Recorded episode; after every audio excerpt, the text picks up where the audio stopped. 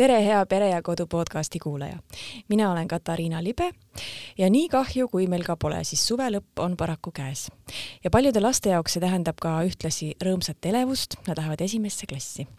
aga kõigi laste jaoks ei pruugi sellega kaasneda ainult positiivsed emotsioonid ja sellest, kuidas nende mitte kõige positiivsemate emotsioonidega toime tulla, me räägimegi täna koolipsühholoogi ja pereterapeudi Kristel Pälliga. tere, Kristel! tere, tere! No esimene küsimus mul ongi see, et äh, on palju selliseid lapsi, kes suure õhinaga ootavad seda kooli minekut, räägivad kogu aeg, et nemad lähevad varsti ja juba kodus mängivad kooli, siis nad lähevad sinna kooli, käivad kaks nädalat ära ja siis on, et oih, et tahaks tagasi lasteaeda. on küll, ma ütleks, et ähm, minu arust või vähemalt minu kogemuse pinnalt on ikkagi enamus lapsed need, kes äh, suure õhinaga ootavad seda kooli. Ja ja ma mäletan enda ajast, et eh, ka mina ootasin ja ma ootasin just sellepärast, et siis ei peaks enam lõunaaeg magama mm. ma arvan, et see on mitme lapse niisugune mm -hmm. põhiargument. aga, aga miks see õhin võib kiiresti lõppeda, ongi see, et et see, mida, mida nad nii-öelda lähevad püüdma, et see ei, ei vasta reaalsusele või et, et nende ootused ei lähe kokku sellega, mis on reaalsus võib-olla ma tahakski küsida, et, et kuidas seda indu alles hoida, aga võib-olla siis peaks hoopis niipidi küsima, et kuidas neile enne seda reaalsust koju tuua või mm,? eks see ongi selles mõttes äh, koolirõõmu küsimus kui selline, sest koolirõõm on see, mis ju lastel kaob üsna mm -hmm. kiiresti. et äh, jah, keerulistematel juhtudel on see kahe nädala jooksul et äh, aga räägitakse sellest, et esimesed paar aastat ikkagi lapsed naudivad seda kooli, tunnevad sellest rõõmu, aga sealt edasi see koolirõõm hakkab langema. et, et siin on mitmed äh, tegurid, mis seda, mis seda mõjutavad ja ega siin sellist head valemit ei olegi, et mis äh, võiks ennetada seda küsimust hmm.. aga kuidas siis saaks nagu vanemana seda toetada?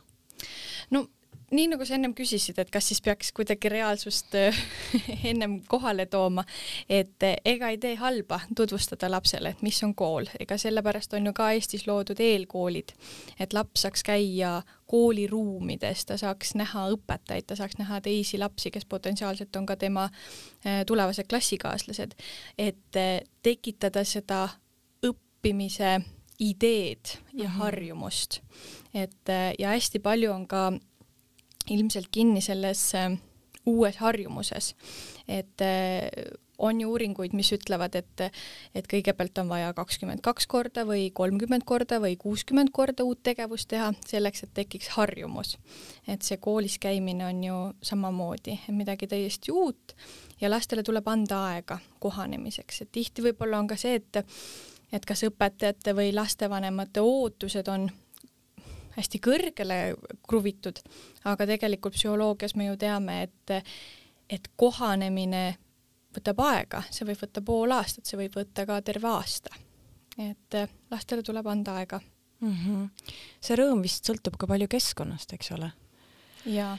et on erinevaid koole, aga kuidas siis koolis luua seda rõõmsat keskkonda?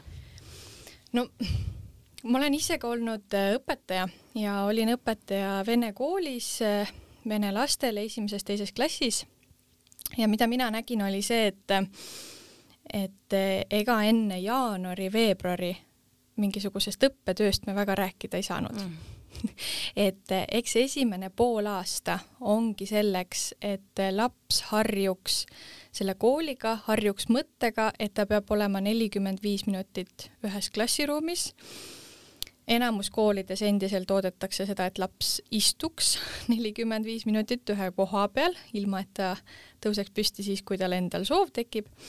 et, et see on paras väljakutse ka, ka õpetajale, ma ise mäletan seda oma kogemusest mm. -hmm no aga räägime natuke korraks ka vanematest, et äh, alguses on ju vaja tuua viia, siis tulevad huviringid, on sinna vaja tuua viia, siis õhtul on see õppimine, aga vanematel on enamasti oma töö ka, et äh, kas sa oled sellega ka kokku puutunud, et, et et vanematel on raske nagu kohaneda selle esimese klassiga? jaa, loomulikult, siia tulles ma mõtlesingi, et et, et kuidas seda teemat võiks veel käsitleda, see esimesse klassi minek ja kohanemine, et et tegelikult lähevad ju lapsevanemad ka kooli mm. -hmm et nad küll on oma koolide ära käinud, aga lapsega koos nad alustavad uuesti seda. ja ka neil tuleb tegelikult aru saada, et, et selles elurütmis toimub muutus ja, ja tuleb ka iseendale samamoodi aega anda. et läbi mõtelda rahulikult, mismoodi on logistika, mis ilmselt ongi peredes üks kõige suurem küsimus, et kes viib, kes toob, mis kell, kas jõuab ema, kas jõuab isa et äh, aga need võiks olla ka ju tegelikult lapsega läbi räägitud, et laps oleks teadlik, kellega ta kooli läheb, kellega ta tagasi tuleb, millised on äh, kokkulepped kooliga, kas, äh, kas lapsevanem läheb kuni klassi ukseni või kuni ainult koolimaja väravani.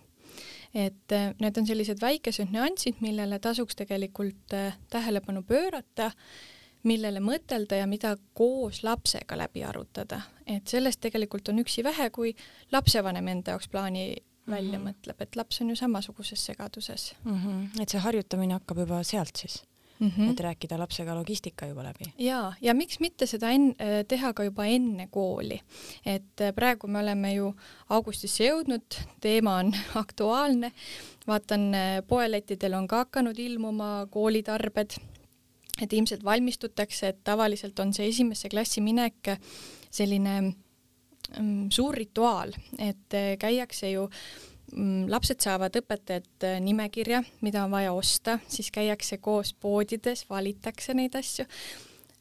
aga justkui siis äh, sellega see asi nagu piirdubki, aga et tegelikult võiks sealt ju edasi mõtelda, et need nüansid ja, ja seda koolirütmi harjutamist miks mitte juba teha ka siin augusti võib-olla teisest poolest mm. -hmm.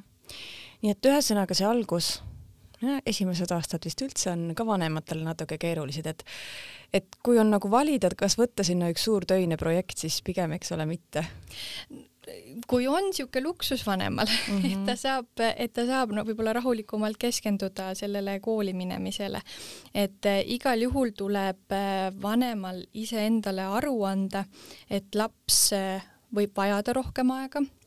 See ei pruugi kõikide laste kohta käia, on neid lapsi, kes kohanevad ju hästi kiiresti ja, ja võib-olla klassiruumis on palju sõpru ees ootamas ja mõni laps ongi selline iseseisvam et ta saabki rohkem hakkama, aga on neid lapsi, kes vajavad seda vanema tuge võib-olla rohkem seal kõrval, et siis eh, vanem võiks ka oma ootused võib-olla veidi alla tuua, et, et keskenduda siis sellele lapsele ja sellele kooliga kohanemisele. Kuidas sulle tundub, kui kaua oleks mõistlik lapsega koos minna kooli ja tulla tagasi, näiteks kui võimalusel on olemas tal ka bussiga liikumine või, või isegi jala? Või mm -hmm. rattaga variant?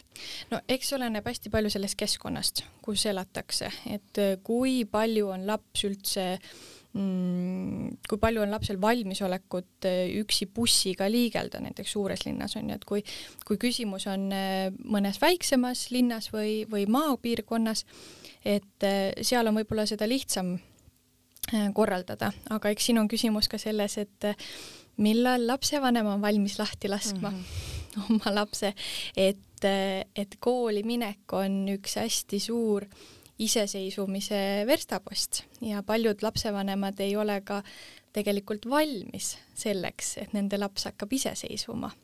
et aga noh, nii me võiksime sedasi mõtelda, et kui uues töökohas täiskasvanutele antakse ju katseaeg, see on vist neli kuud mm. -hmm, neli kuud, jah. et ja selle nelja kuu jooksul tegelikult mõningates töökohtades on mentorid, antakse inimesele aega, lubatakse tal eksida, ei äh, oodata temalt võib-olla veel ma ei tea, täistuuridel töötamist või, või mm -hmm. kuidas iganes see erinevatel töökohtadel on äh, siis korraldatud, et samamoodi võiks ju ka lapsele anda.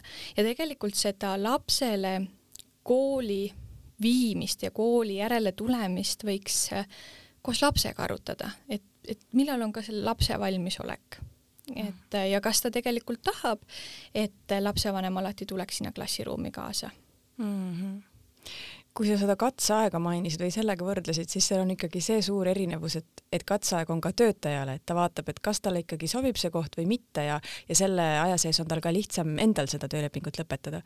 aga lapsel kahjuks sellist võimalust ei ole, et, et eks see vist on ka natuke see see väike, väike kurbuse või masenduse hetk võib tulla, kui ta mõtleb, et kaksteist aastat nüüd seda või vähemalt üheksa aastat veel, et kuidas last äh, nagu selles osas rõõmustada?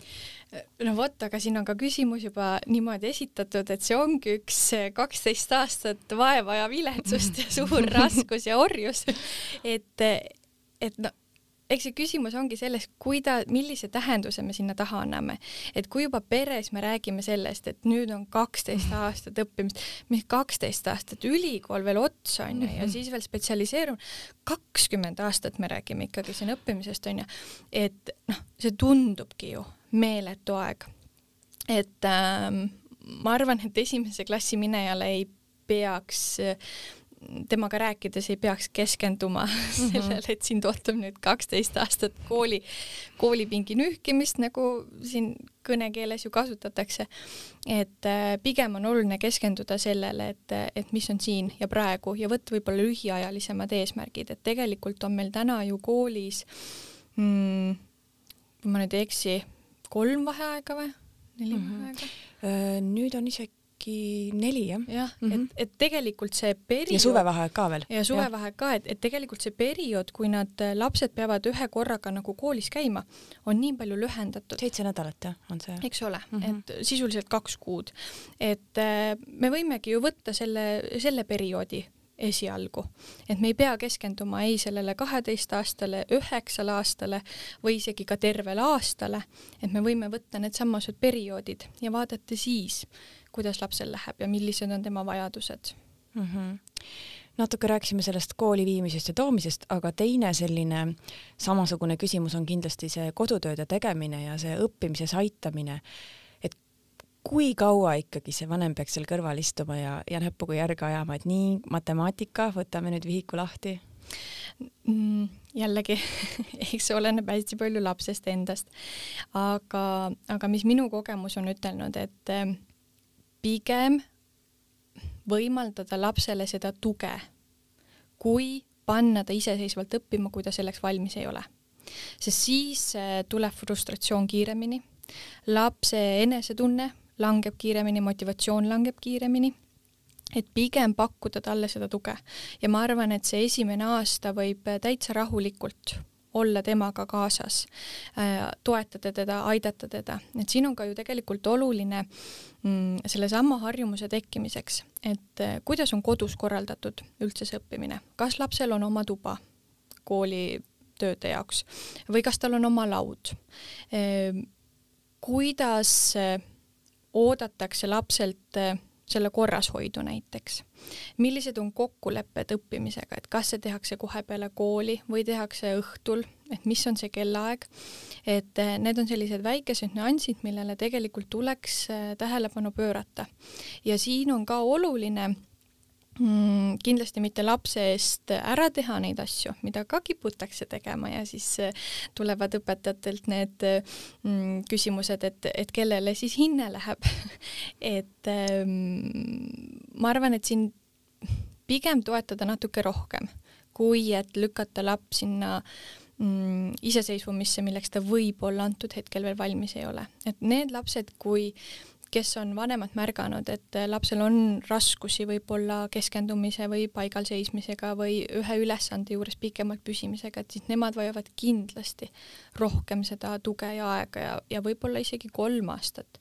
mõnikord on see neli-viis aastat, et oleneb täiesti lapsest mm -hmm.. noh, minul läheb laps kuuendasse klassi ja ma mõtlen, et ikka vahepeal küll, küll oli meil nii, et ta õpib ise, aga, aga lõpuks on ikkagi nii, et eks tuleb natuke järge ajada mm. -hmm. aga et see on, noh, see ongi seesama, et, et millised on need kokkulepped ja selge on see, et kui, kui me lapsega teeme mingisuguse kokkuleppe, aga sellel puudub igasugune kontroll, siis see ei tööta mm. -hmm. et eh, kui, kui me tahame et laps saaks, ähm, kui me teame, et laps ei ole võib-olla veel täielikult valmis iseseisvalt tööd tegema, aga me ütleme talle, et sul peavad olema kõik kodutööd tehtud selleks ajaks, kui ma töölt tulen, noh, siis me võime juba eeldada, et tõenäoliselt need kodutööd ei ole selleks ajaks valmis. või see näide, et kui, kui ütelda lapsele, et äh, sa pead olema õhtul kell seitse kodus, aga mina ise saabun alles kell kaheksa või pool üheksa. et puudub see kontrollimoment ja mm -hmm. lapsel on imelihtne tühistada seda kokkulepet. et siin on oluline see, et, et kui me oleme loonud mingisuguse kokkuleppe või reegli, kuidas iganes keegi seda nimetada tahab, et sellele tegelikult peaks järgnema ka siis selline kontrollimoment mm. -hmm kuidas ikkagi siis toetada last või, või aidata tal nagu neid asju teha, et kus see piir läheb, et mitte ise ära teha neid kodutöid mm? -hmm. no mida mina oma koolipsühholoogi kogemusest olen rakendanud, on, mis lapsi on aidanud ja tegelikult ka lapsevanemaid on aidanud, on äh, erinevate plaanide tegemine. näiteks see, et, et kuidas neid kodutöid üldse tehakse. et kas ähm,, üks näide, et, et iga kodutöö panna eraldi väikese post-it paberi peale ja siis kleepida neid näiteks laua peale. laps ise valib, millises järjekorras ta teeb. Ja kui ta on selle valmis teinud, siis ta saab selle paberi võtta, ära visata. Või nimekiri, saab selle maha tõmmata, et lapsel tekiks ka selline mm, süsteemsem pilt ja arusaamine, et, et mis see kodutööde tegemine on, kuidas see käib, mis see süsteem on. Ja, ja kui me näeme, et meie laps on selline, kes ei äh, kellel on raske pikalt äh, ühes kohas viibida ja ühe ülesande juures viibida, et tegelikult on ju okei okay kodus ka anda vaheldust, et võttagi näiteks panna kell, et kümme minutit me keskendume sellele ülesandele, siis on väike puhkepaus ja siis me tuleme tagasi, et et ei maksaks karta seda, et ähm, kasutadagi näiteks stopperit või kasutadagi liivakella või mingisugust hästi näitlikustavat materjali. sest esimeste kla-, esimese klassi laste puhul on ju see, et abstraktne mõtlemine on veel alles arenemisel ja mida visuaalsem ja selgepiirilisem on lapsele ka see õppimine korraldatud, seda lihtsam on tal hakata ka iseennast reguleerima mm. -hmm.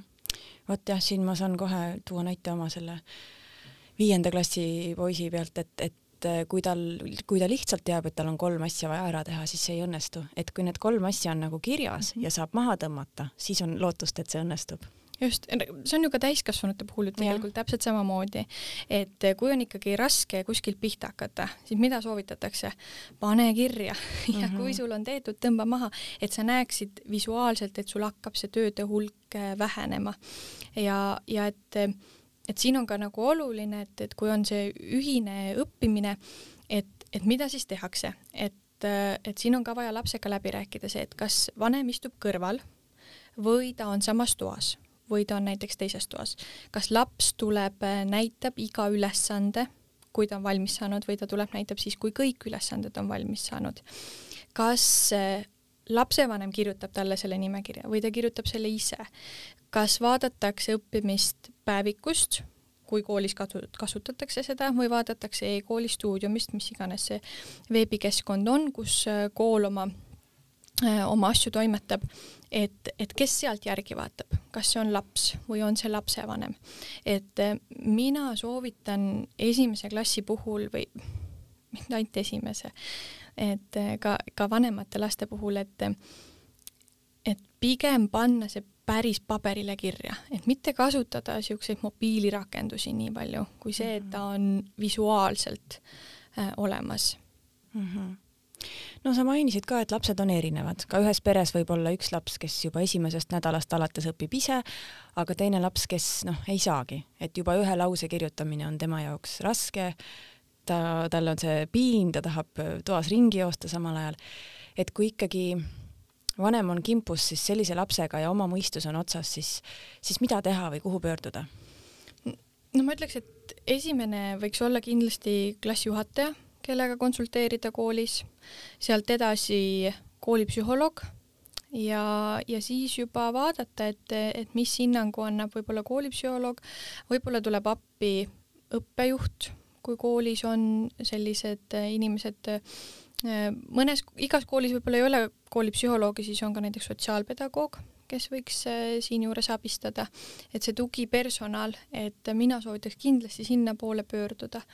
et, et siin ei tasuks, millega mina olen kokku puutunud, on see, et lapsevanemad tunnevad justkui et nad on läbi kukkunud, et kui ma Mhm. ei oska oma last aidata või toetada, et ma arvan, et siin ei ole küsimus äh, vanemlikus äh, oskuses või, või läbikukkumise küsimuses, et pigem lihtsalt ongi see, et see, see koolikeskkond, see õppimise stiil, et, et see on oluline läbi rääkida koolis oleva personaliga, et millised on raskused kodus, millised on raskused koolis, sest laps võib käituda erinevalt nii koolis kui, kui kodus, et tema käitumine võib olla erinev, et, et mina olen oma kabinetis ka ikkagi väga palju kokku puutunud äh, nende lastevanematega, kes ütlevad, et, et teate, et äh, koolis on üks probleem, vajab teist taga, kodus pole mitte midagi või siis Mhm. vastupidi, et ma ei saa kodus lapsega hakkama, mitte mingit moodi ei ole võimalik ja koolis ma pole kuulnudki sellest lapsest, sest kõik on lihtsalt väga hästi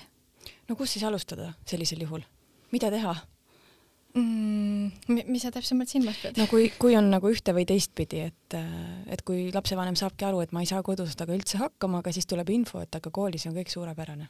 mm. -hmm. aga ega see ei ole takistuseks, et ikkagi klassijuhatajaga sellest rääkida või siis koolipsühholoogiga rääkida, et ähm, et mida saab koolipsühholoog sellisel juhul näiteks ära teha, on see, et ähm, üheks meie tööriistaks on ähm, tunnivaatlused, mis on tegelikult päris äh, mm, päris hea infoallikas, et lapsed, mõteldakse küll, et noh, et kui keegi võõras läheb sinna klassiruumi, et siis lapsed suudavad ennast äh, kontrollida ja hakkavad näitlema ja siis näitavad hoopis midagi muud.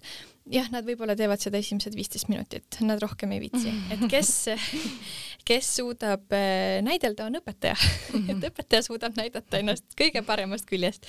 et, et tegelikult sellise tunnivaatluse põhjal on äh, võimalik päris palju infot kätte saada, et mis on selle lapse õppimise stiil, et milline ta on ja siis saab seda infot juba kõrvutada selle infoga, mida lapsevanem annab. ja vastavalt siis juhtumile saabki arutada, et, et kus, kuhu võib olla see koer maetud, et, et mille, millest siis nagu pihta hakata, et kas on küsimus selles, et, et lapsel ei ole mm, võib-olla sellist õppimise süsteemsust, võib-olla on see kooli tähendus muutunud või tihti on ka see, et lapsed on lihtsalt väsinud mm -hmm. sellepärast, et, et iga päev on kool kella no esimeses klassis võib-olla kaheteistkümne üheni, siis on pikapäevarühm, kus nad on veel koolimajas, esmaspäeval on korvpall, teisipäeval ujumine, kolmapäeval kunstiring, neljapäeval jalgpall ja reedel ka veel ujumine ja siis tuleb veel vanaema juurde sõita. et, et tegelikult lapse nii-öelda tööpäev võibki lõppeda seal kuue, võib-olla kuue-seitsme aeg.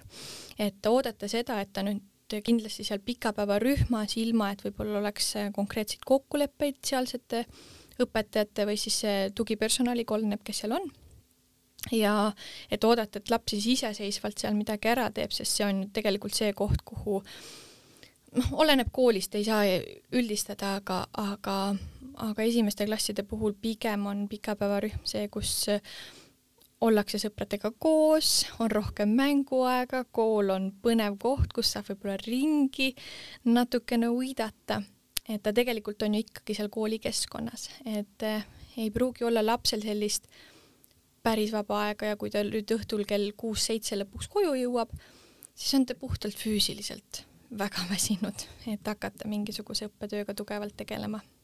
kuidas last siis nagu väsimuse korral aidata, kui saabki esimese klassi keskel näiteks saab vanem aru, et laps on lihtsalt nii väsinud koolist, mis on esimene asi, mis teha? No mis on esimene asi, kui inimene on väsinud, puhkama peab. Et ja, ja peabki puhkama, et magamine, korralik toitumine ja see, et lapsel peab olema seda aega, kus ta on ka veel laps. et see, et jah, ma olen näinud, et nii kui laps läheb esimesse klassi, siis on neid huviringe, tegevusi nii tohutult palju, sellepärast et kuskilt ei taha ju ilma jääda ja tahab ju kohe, tahaks ju kohe last arendama hakata, et temast tuleks ikkagi kas andekas sportlane või muusik või kunstnik või noh, kes iganes. et ja, ja vanemad oma parimate soovide juures võivad tekitada selle olukorra, kus tegelikult laps ei pruugi toime tulla selle kõigega et, et esimene soovitus on, tuleb anda lapsele puhkust mm. -hmm. ja, ja üle vaadata, et, et sest kool on midagi, mida me ei saa selles mõttes tõesti ära võtta, et noh, nii nagu sa ütlesid, on ju, et et tööandja saab äh, peale katseaega lõpetada töölepingu, siis kool ikkagi ei ütle peale katseaega, et me rohkem seda last ei võta.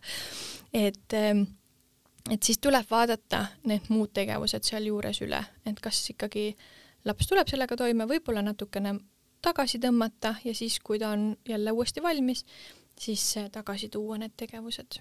kui palju sa oled sellega kokku puutunud, et laps jääb füüsiliselt haigeks, kui ta on väsinud, ei taha käia? ja, ja sellega, see on üks huvitav nähtus, see on ka mm, siis, kui, kui ma ise olin ka õpetaja, siis juhtus niisugune olukord, et et tead, minu, minu klassis oli gripp ja kõik lapsed olid haiged ja kõrvaklassides olid kõik lapsed terved ja nad olid koolis. Ja mõtlesin, mis asi see on, et, et mul oli küll vähe õpilasi, aga no siis oli neid veel vähem. Ja, ja järjepanu kõik jäävad haigeks. aga, aga tegelikult see on äh, päris niisugune reaktsioon lastel, et kui ikkagi on äh, ebamugav, raske, ebameeldiv, mingi konflikt on üleval, siis need psühhosomaatilised äh, nähtused, sümptomid on väga kiired tekkima need peavalud, need kõhuvalud, need iiveldused, äh, mõni laps äh, suudab ka oma selle seisundi viia sinnamaale, kus ta ka päriselt oksendab. Ja see, et laps suudab endale ka nii-öelda palavikku välja mõtelda et äh, kui palju on olnud neid juhtumeid, kus äh, tuleb äh, perekond ja, ja, ja ütleb, et teate, et me oleme kõik uuringud teinud, kõikide arstide juures käinud, mitte midagi ei leia. ja, ja ma võin südamerahustusega, südamerahustuseks ütelda, et ega ei leiagi küsimus on lapse psühhosomaatikas. et, et need, need sümptomid on varmad tekkima, kui lapsel on väga halb ja ebamugav et kas see tuleb siis äh, füüsilisest väsimusest, tuleb see sellisest emotsionaalsest äh, raskusest, mis klassiruumis võib äh, valitseda.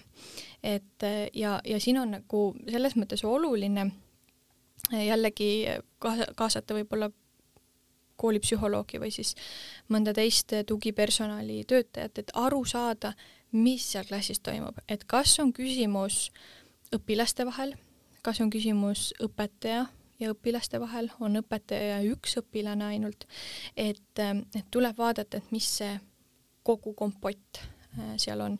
ja sellepärast ma ütlen ka, et, et, et tuleb anda aega kohanemiseks nii lastel kui ka tegelikult õpetajatel endal, et see esimene aasta, no ega ta ei tee oma põhikooli eksameid kehvemini, kui ta kohe esimesest septembrist õppima ei hakka ja hakkab võib-olla mhm. õppima esimesest jaanuarist. et tegelikult kui oluline on äh, luua suhet ja kui oluline on anda lapsele võimalus kohaneda ka nendel teiste lastega, et, et tegelikult ei tee üldse halba, kui lapsevanemad eh, loovad neid võimalusi, et eh, klassikaaslane tuleb külla või, või minnakse kuskile, eh, viiakse laps külla või, või käiakse läbi. et sest üldiselt nende klassikaaslastega veedetakse üsna pikk aeg koos mm. -hmm aga mida siis ikkagi teha, tead, mul tuleb meelde oma lapsepõlvest ja olen ka teiste inimestega rääkinud, kellel tuleb meelde, et kuidas, kui viiulitundi ei tahtnud minna, et siis ikkagi kõht reaalselt valutas. see ei olnud, see ei olnud mingi väljamõeldud valu. aga mida siis selle näiteks huviringi korral teha, et, et ühest küljest noh, näiteks klaverit on vaja harjutada, viiulit on vaja harjutada, seal on vaja käia, aga kui laps ikkagi iga kord kurdab valu, et kas siis oleks mõistlik siis see üldse katki jätta? ma ei jookseks andma soovitusi, et äh, asjad tuleb äh, koheselt äh, katki jätta.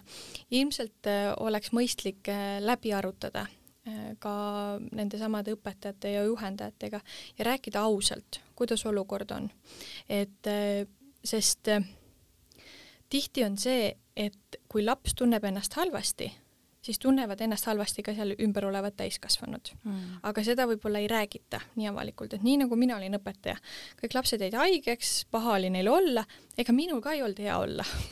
Ja mul läks ikka tükk aega aega, enne kui ma aru sain, et, et oot, et ma pean iseendale ka otsa vaatama, et mida mina saan teha ja võtan kaks sammu tagasi ja, ja tegelen nii-öelda selle suhtega. et, et huviringides võib äh, täpselt samamoodi olla. Ja tõenäoliselt on võimalik luua mingisuguseid kokkuleppeid või kompromisse, kompromisse, et kas see on siis äh, nädalas võib-olla mingisuguste tundide vähendamine ehk et äh, selle võrra võib mingisugune periood pikeneda, aga et, et oluline on tegelikult saada selle lapse niisugune emotsionaalne seisund ja füüsiline seisund jälle normaalseks ja stabiilseks, et oleks üldse võimeline midagi omandama. sest kui ikkagi laps tunneb ennast halvasti ja me jõuga käsime tal midagi teha, siis noh, ma ütleks, kasutegur on üsna nullilähedane aga mida siis teha sellise lapsega, kes jälle alustab uut trenni või uut ringi ja mõne aja pärast ütleb, helistab nuttes, et ma ikkagi ei taha minna, mul kõht valutab, mul on paha olla, ma ei jaksa mm. -hmm. ja siis nii iga erineva huviringiga, et, et äh, mida teha? no esiteks tekib mul küsimus, et, et, et miks, miks on nii, et lapse need huviringid nii kiiresti vahelduvad mm. -hmm. et, et tegelikult oleks vajalik ju, nii nagu me räägime kooli puhul kohanemise küsimusest, peaks andma aega ka trennides samamoodi et ja et mis on siis nagu nende treeningute mõte, et kust võib-olla esiteks võiks küsida, et kust tuleb see motivatsioon sinna trenni minna, kas see tuleb lapselt, tuleb see lapsevanemalt, tuleb see naabrinaiselt mm -hmm. või tuleb see õpetajalt, et, et mis on, mis on see, et miks on just antud trenn või huviring valitud. kui see on selgeks saanud, siis tuleks kindlasti lapsega rääkida, mida tema sellest päriselt mõtleb, arvab, tunneb kui ikkagi ja, ja seejärel võiks ju arutada seda ka siis selle huviringi või trenni õpetaja, treeneri või, või juhendajaga, kes, kes iganes seal on, et, et mis on, et kuidas tema näeb, kuidas lapsel läheb, millised on väljavaated sellele. Ja aga noh, jah, nende soovitustega on niimoodi, et ühele need ju toimivad, teisele ei toimi, eks ole, et et soovituste andmisega mina oma töös olen alati hästi ettevaatlik ja, ja, ja lähtun sellest per konkreetsest perest, aga aga, aga võib-olla jah, mina ei, ei kiirustaks nende asjade lõpetamisega kohe mm. -hmm. et, et see, et ma ei taha, mulle ei meeldi, võib olla nii mitmest asjast tingitud, see võib olla sellest, et, et päriselt laps tunneb, et tal ei ole võimekust seal toime tulla, sellepärast et iga tegevusega ähm, inimesed, lapsed taotlevad sellist mm, baaspsühholoogilisi vajadusi, nad peavad tundma, et nad saavad ise otsustada mingisuguste asjade üle, nad peavad tundma, et nende võimed on piisavad selleks, et sellega toime tulla, aga samas peab ka pakkuma see väljakutset, eks ole. ja seal peab olema ka kuulumisvajaduse tunne täidetud. et, et nüüd me peame siis vaatama, et, et kas need vajadused on seal täidetud või ei ole, millest puudu jääb. et teinekord võib olla, et, et küsimus, et, et ala meeldibki või, või see huviring meeldibki, aga suhted kaaslastega kipuvad äh, sassi minema. et noh, siis on ju selge, et me peame rääkima juhendajaga, me peame arutama, mis seal toimub. et äh, ja, ja kui peale rääkimist ja arutamist ja, ja näha, et, et on antud, on tehtud võib-olla mingid kokkulepped, on antud aeg nende kokkulepete nii-öelda kinnistamiseks ja olukord ei ole muutunud, siis äh, siis võib-olla jah, peab mõtlema, et kas on mõni alternatiiv sellele tegevusele. aga väga kergekäeliselt äh, mina ei, ei jätaks neid äh, huviringe ja trenne ära, sest siis võib juhtuda ka see, et, et kui läheb raskeks, siis siis me loobume mm. -hmm. aga et tegelikult ju raskused on selleks, et ületada ja hästi oluline, mida ma väga rõhutan alati oma töös lastevanematega et, et rääkige lapsega, et kui minu juurde on tulnud äh, perekond äh, murega näiteks lapse pärast, mis iganes seal siis on ja, ja kui ma esitan neile küsimuse, et olgu, ma kuulen teid, et teil on selline mure, et aga, aga mis teie laps arvab, siis kahjuks liiga tihti saan ma vastuse, oi, aga ma ei tea mm. -hmm. ma pole küsinud lapse käest tõesti et siis on ju esimene asi, et me peame küsima lapse käest, et, et vanemad ja täiskasvanud kipuvad hästi palju eeldama et nii nagu mina mõtlen, et ju laps mõtleb ka nii või nii nagu mina tunnen, et samamoodi ka laps, et niisugust eeldamist on ähm, palju, mis äh, juba eos viib konfliktini mm. -hmm. aga ikkagi nende huviringide teemal rääkides, et kuidas valida esimesse klassi minevale lapsele huviringe ja kui palju oleks siis mõistlik mm,? jällegi, esimene asi võiks küsida lapse käest mm, -hmm. mida tema arvab. ma kujutan ette, et kui laps on käinud lasteaias, siis tegelikult sealt on juba hakanud välja kooruma mingisugused huvid. et äh, tasuks tähele panna ka seda, et mida last ümbritsevad täiskasvanud räägivad, et kus võib-olla nemad näevad lapse andekust ja kindlasti need valikud tulevad sellest, et millised on ähm, pere sellise, senised kogemused olnud, mida lapsevanemad ise on äh, varasemas lapsepõlves võib-olla teinud, mis on kodulähedane, et äh, valik on ju hästi lai ja noh, eks kui, kui ikkagi üldse mitte mingisugust aimdust ei ole, milles minu laps võiks olla andekas või hea või mida ta ise tahab, noh, eks ta siis ongi niisugune katse-eksitusmeetod. et äh, aga noh, mida võiks valida, on see, et noh, nii nagu kool valitakse hästi kodu lähedal, võiks ju tegelikult ka need huviringid olla võimalikult kodu lähedal mm, -hmm. et hoida aega kokku selle logistikale, et lapsel oleks võimalik äh, iseseisvamalt äh, nendes huviringides käia. Tähele tasuks panna ka seda, et lapsel ei pea olema iga päev mingisugune tegevus, et ta suudab neid aktiviteete ka iseendale välja luua ja selleks tuleb anda lapsele võimalus.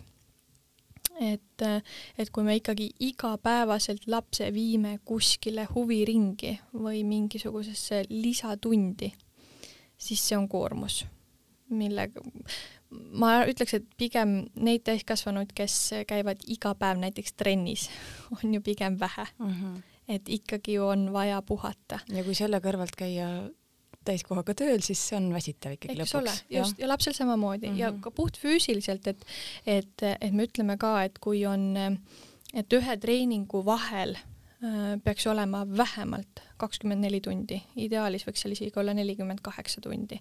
et aga kui lapsel on iga päev mingi uus trenn, see on füüsiline koormus ja, ja sealjuures äh, ta võib-olla ei saa piisavalt und või ei ole toitumine piisavalt korras et siis see väsimus on hästi kiire tekkima, et ma ütleks, et pigem vähe kui rohkem mm. -hmm. et alati saab juurde? jaa, absoluutselt.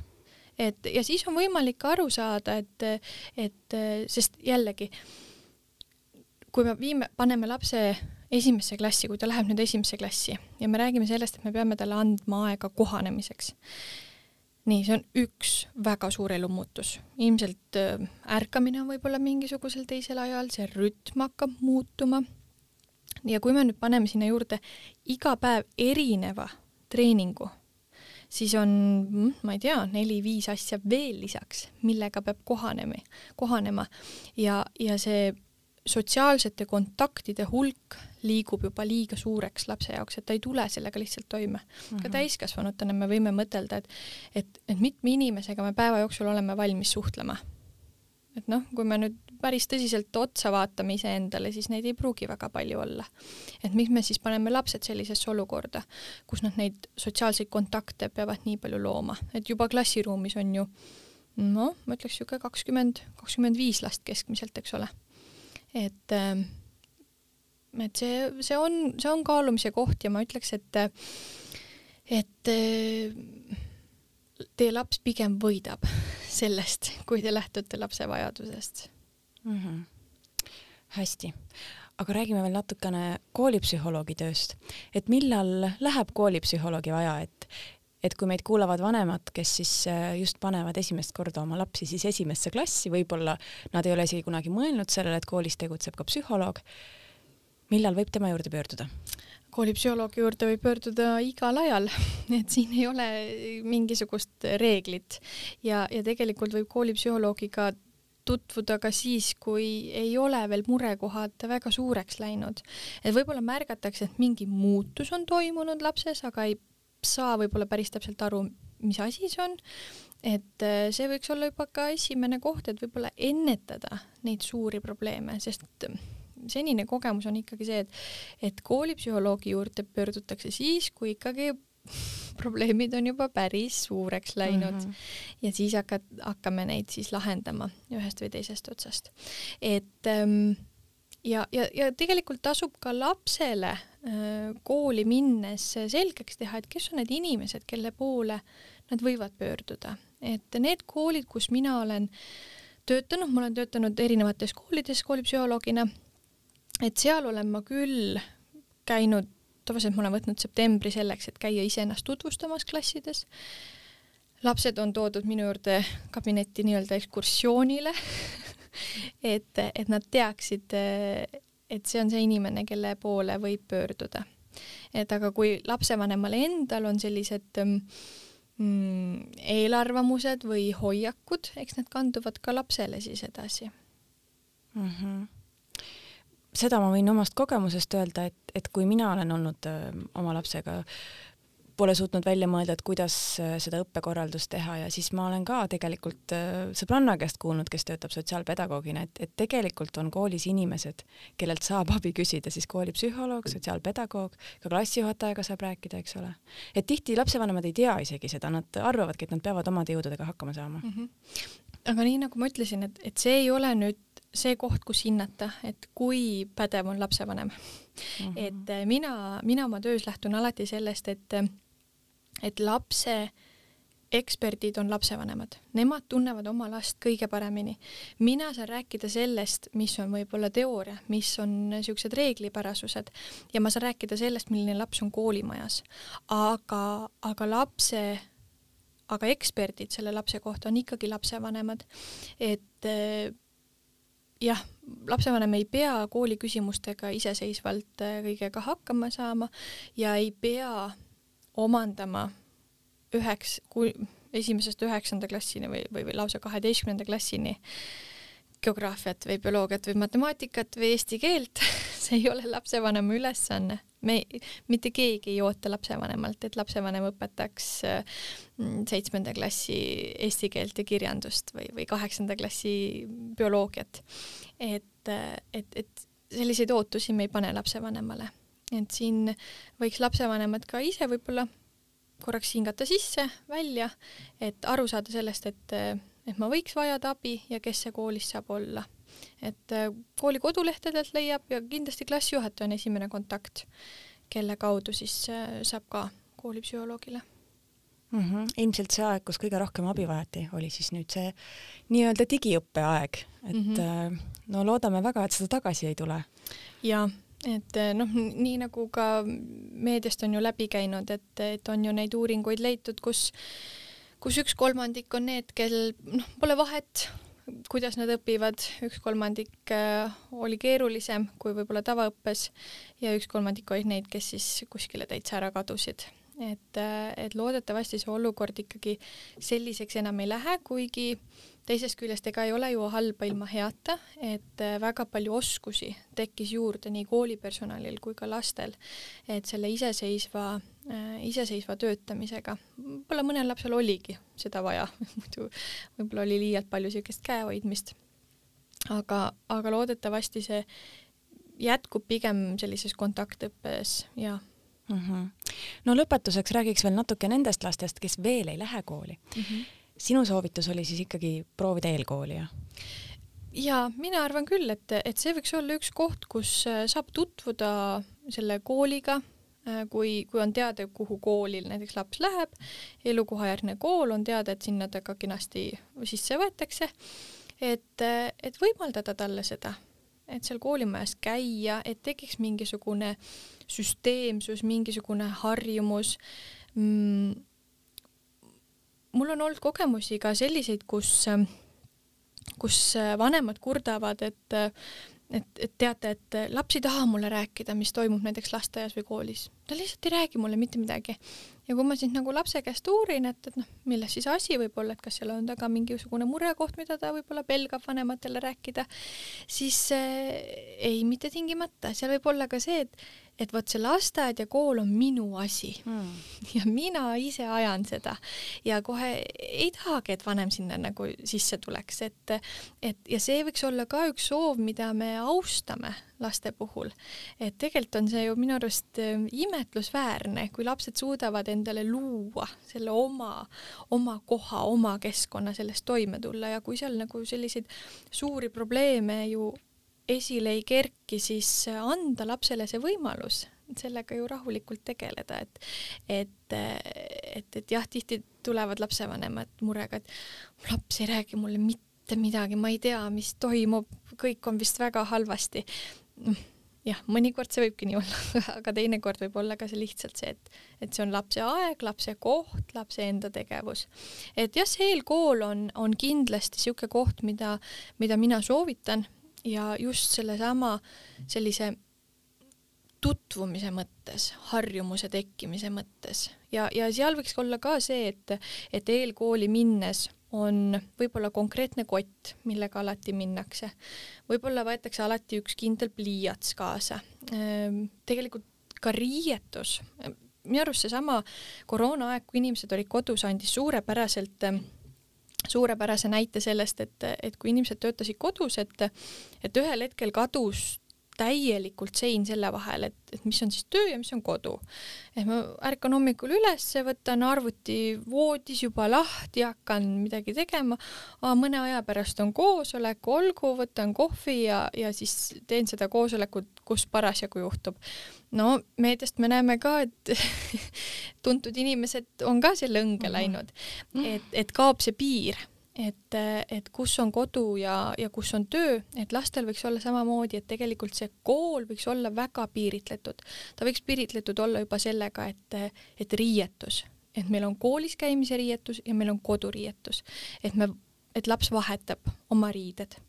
Ehm, et tal on kindel koht, kus ta saab õppida ja see käib ka eelkooli osas kohta et, et see koroonaaeg oligi selles mõttes ka keeruline, et kui, kui tavakontaktis laps saab enda selja taga koolimaja ukse kinni lükata, vähemalt selleks päevaks on see asi nüüd läbi ja ta läheb koju, et siis seda ei tekkinud, see oli kogu aeg seal olemas. et siis on oluline luua ise see füüsiline keskkond, et see, see ei ole üldse mitte vähetähtis mm. -hmm et siis võiks kodus ka olla, see on meil töötamise koht ja, ja see on meil puhkamise koht. just, et, et jah, tõesti need inimesed, kes, kes on pidanud pikalt kodus töötama ja mine tea, võib-olla see terendab jälle meil uuesti ees, et, et siin ka täiskasvanutel võiks olla, et, et kas ma ikkagi, et kui ma teen selle oma veebikoosoleku voodis istudes või magamistoas, et siis nii kui ma oma kaamera avan, on tegelikult kogu kollektiiv minu magamistoas. kas ma muidu kutsuksin neid oma magamistuppa või mitte?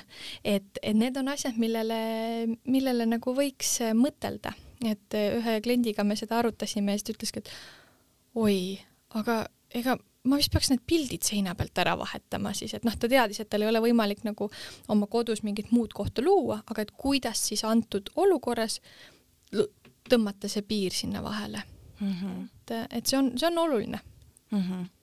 no aga ma täiesti viimasena nüüd küsiks selle kohta, et et kui mõni lapsevanem, kes, kelle laps nüüd veel ei lähe esimesse klassi, mõtleb ja, või tunneb, et tema laps võib-olla tavakoolis hakkama ei saa või ta ei ole selles täiesti kindel, siis kus seda kindlust saada ja, ja millised on siis teised õppimise võimalused? no siin on oluline olla kontaktis äh, ja suhelda lasteaiaõpetajatega ja kasvatajatega ja kuulata, mis on nende tähelepanekud. sest selge on see, et, et lapsevanemad näevad oma lapsi teinekord läbi ideaalsete prillide aga see, nemad näevad seda, milline laps on kodus ja kuidas ta kodust paistab lasteaias olles. Et, äh, et siin tasub nagu kuulata seda, mida räägitakse, et milline ta siis kollektiivis on. siis äh, mm, minu arust ka juba lasteaedades peaks olema psühholoogid või siis mingisugune tugipersonal, kelle poole saaks pöörduda. meil on olemas üle Eesti Rajaleidja keskused, kust on võimalik saada ka nõustamist, ähm, saada võib-olla vastuseid, et ka kui kui näiteks lasteaias ei ole seda psühholoogi, siis saab Rajaleidja keskuse poole pöörduda ja see keskuse psühholoog, äh, temal on võimalik kas siis teha vaatlusi või vestlusi, et, et aru saada, et mis see laps on, et, et ma jällegi ütlen lapsevanemale, et, et see ei pea olema üksnes tema vastutuse koht et kuhu kooli laps läheb.